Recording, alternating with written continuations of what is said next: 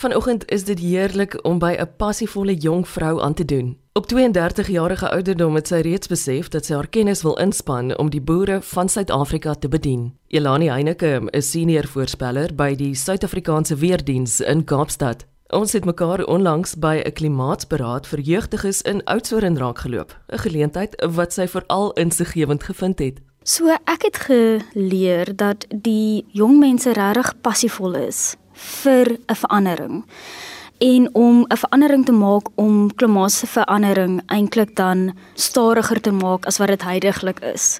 En ek kan sien dat hulle redelike goeie kennis het van klimaatsverandering en wat om te kan doen om dit te verander. En die feit dat hulle eintlik nie wil stil bly daaroor nie. Hulle wil praat daaroor. Hulle wil gesprekke hê oor dit en hulle is soos 'n spons wat net al hierdie inligting wil inneem en 'n verskil wil maak.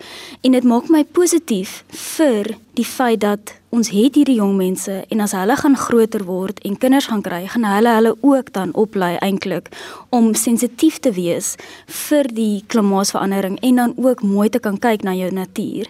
En ek dink dit is so mooi want op die einde van die dag is dit waar ons toekoms dan lê is in hierdie jong mense.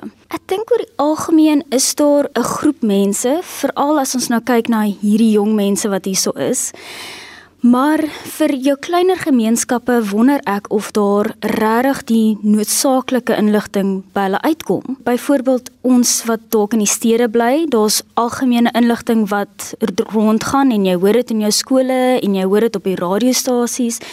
Maar 'n mens wonder altyd met jou kleiner gemeenskappe wat dalk nie al hierdie fasiliteite het nie en dalk op 'n plaaskooltjie groot word waar u onderwyser of twee onderwysers maar groot geword het in 'n omgewing. Hulle kan dalk die verandering sien oor die paar jaar vandat hulle nou daar gebly het, maar jy weet nie noodwendig of hulle al hierdie inligting het van wat om te doen om te verseker dat jy 'n verskil kan maak om klimaatsverandering stadiger te maak nie. Dis eintlik eenvoudig as 'n mens daaraan dink.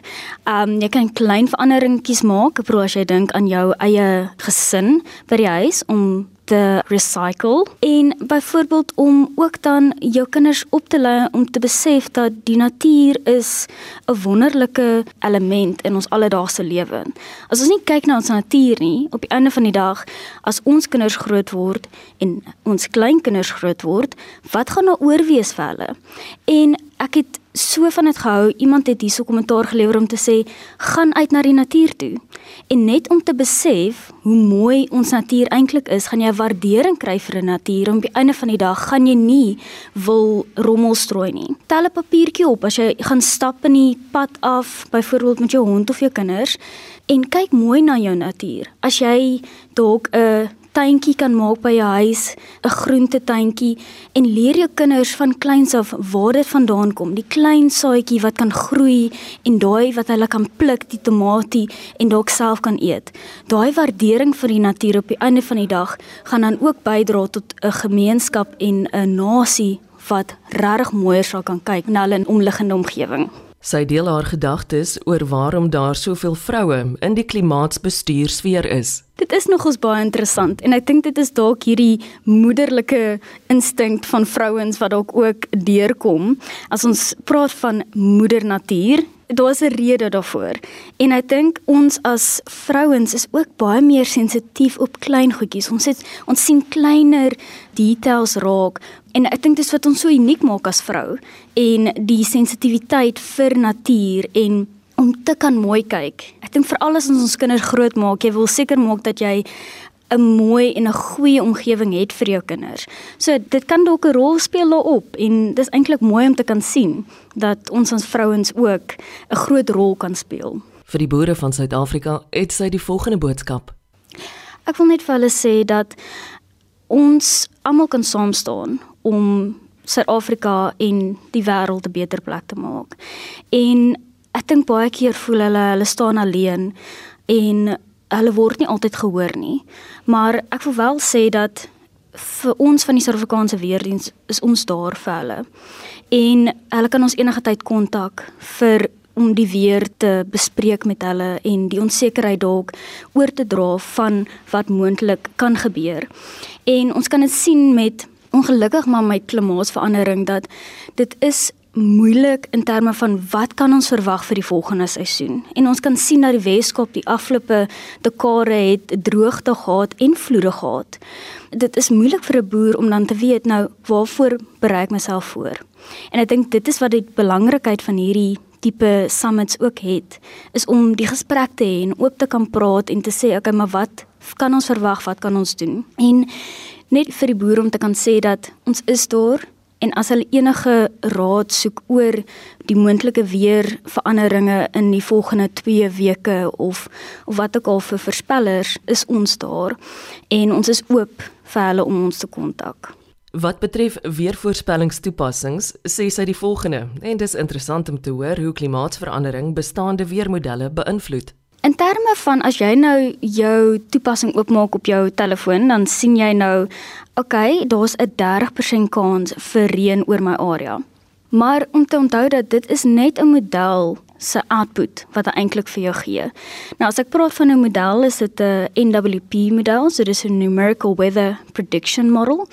So dit vat net jou observations wat jy het, so byvoorbeeld jou temperatuur en jou windspoed en jou windrigting en daar's vergelykings wat dan in hierdie model ingaan om dan te kan voorspel wat gaan gebeur of kom ons sê môre of die dag daarna in terme van weer. Nou as jy as 'n persoon nou sien hy sê 30% op jou foon, is dit nie noodwendig dat dit gaan reën of nie gaan reën nie. Dis 'n moontlikheid.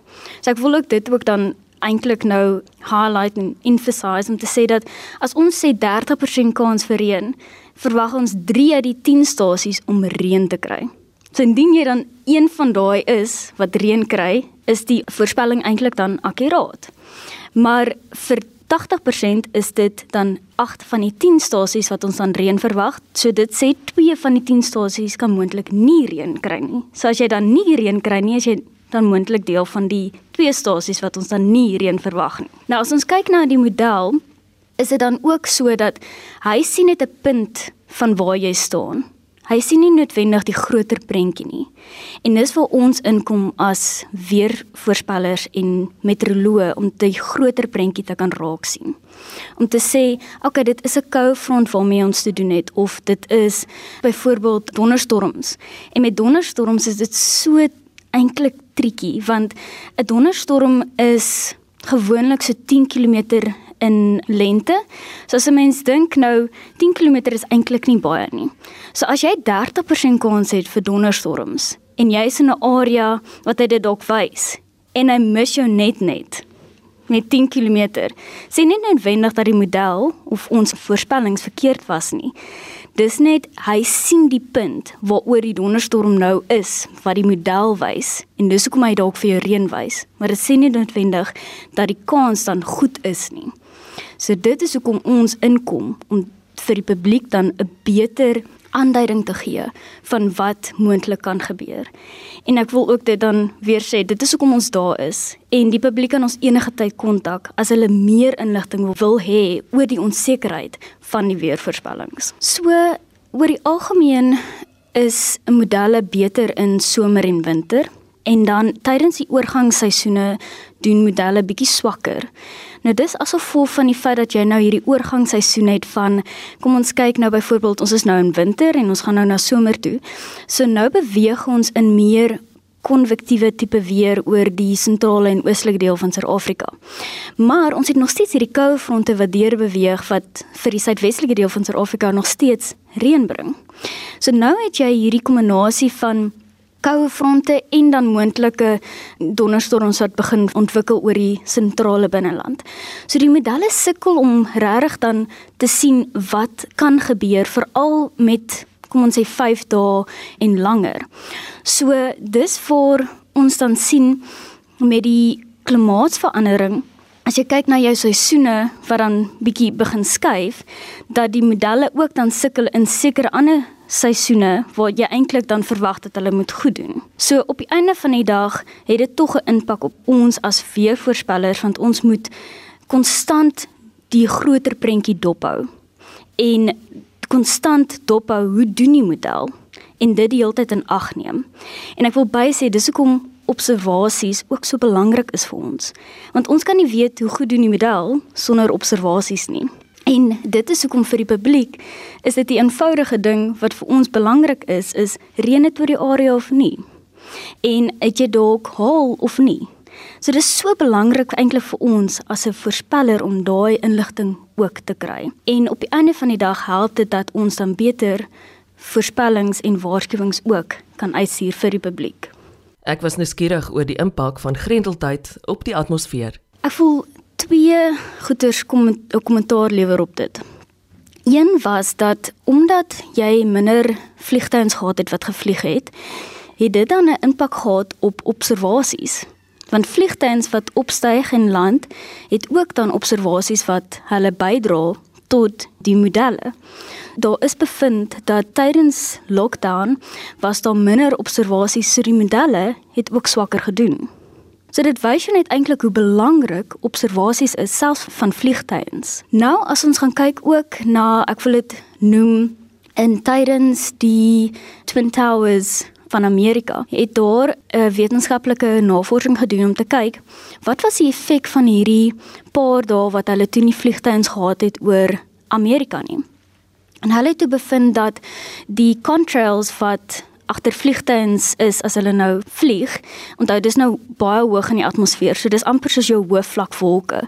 En veral as jy groot vliegtuie het en baie vliegtuie wat oor 'n sekere roete vlieg, het jy dan hierdie contrails wat dan uitversprei en dan amper soos cirruswolke maak, die hierdie hoofvlakvolke. Nou Die atmosfeer is so sensitief vir klein veranderings dat hulle toe bevind dat die dagtemperature toe warmer was en die aandtemperature kouer was. So jou verandering van jou aandtemperature en jou dagtemperature was so groter oor daai area wat hulle toe die meeste vliegtuie gesien het. En hoe hulle dit toe ondersoek het, is hulle het na satellietfoto's gaan kyk. So hulle het toe gaan kyk byvoorbeeld vir Kanada waar daar nog steeds vliegtuie was op die grens van Kanada en Amerika. En dit het hulle gesien dat daar wel meer dikker cirruswolke was, maar oor Amerika waar dit minder vliegtuie was, was daar nie cirrus nie en dit was dunner ook. So dit het tog 'n impak op jou atmosfeer en jou hoër vlakke wat ook 'n impak het op jou temperatuur. Nou onthou net een ding van ons atmosfeer. Alles moet in balans wees. En as jy een faktor of element verander, dan kan dit 'n invloed hê op 'n ander element.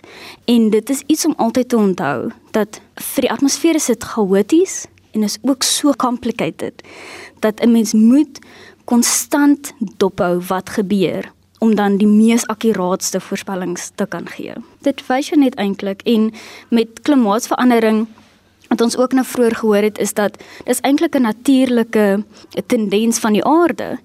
Maar ons menslike impak wat ons het is nou besig om dit net eintlik dan vinniger te maak en te vererger meer as wat die natuurlike siklus eintlik maar is.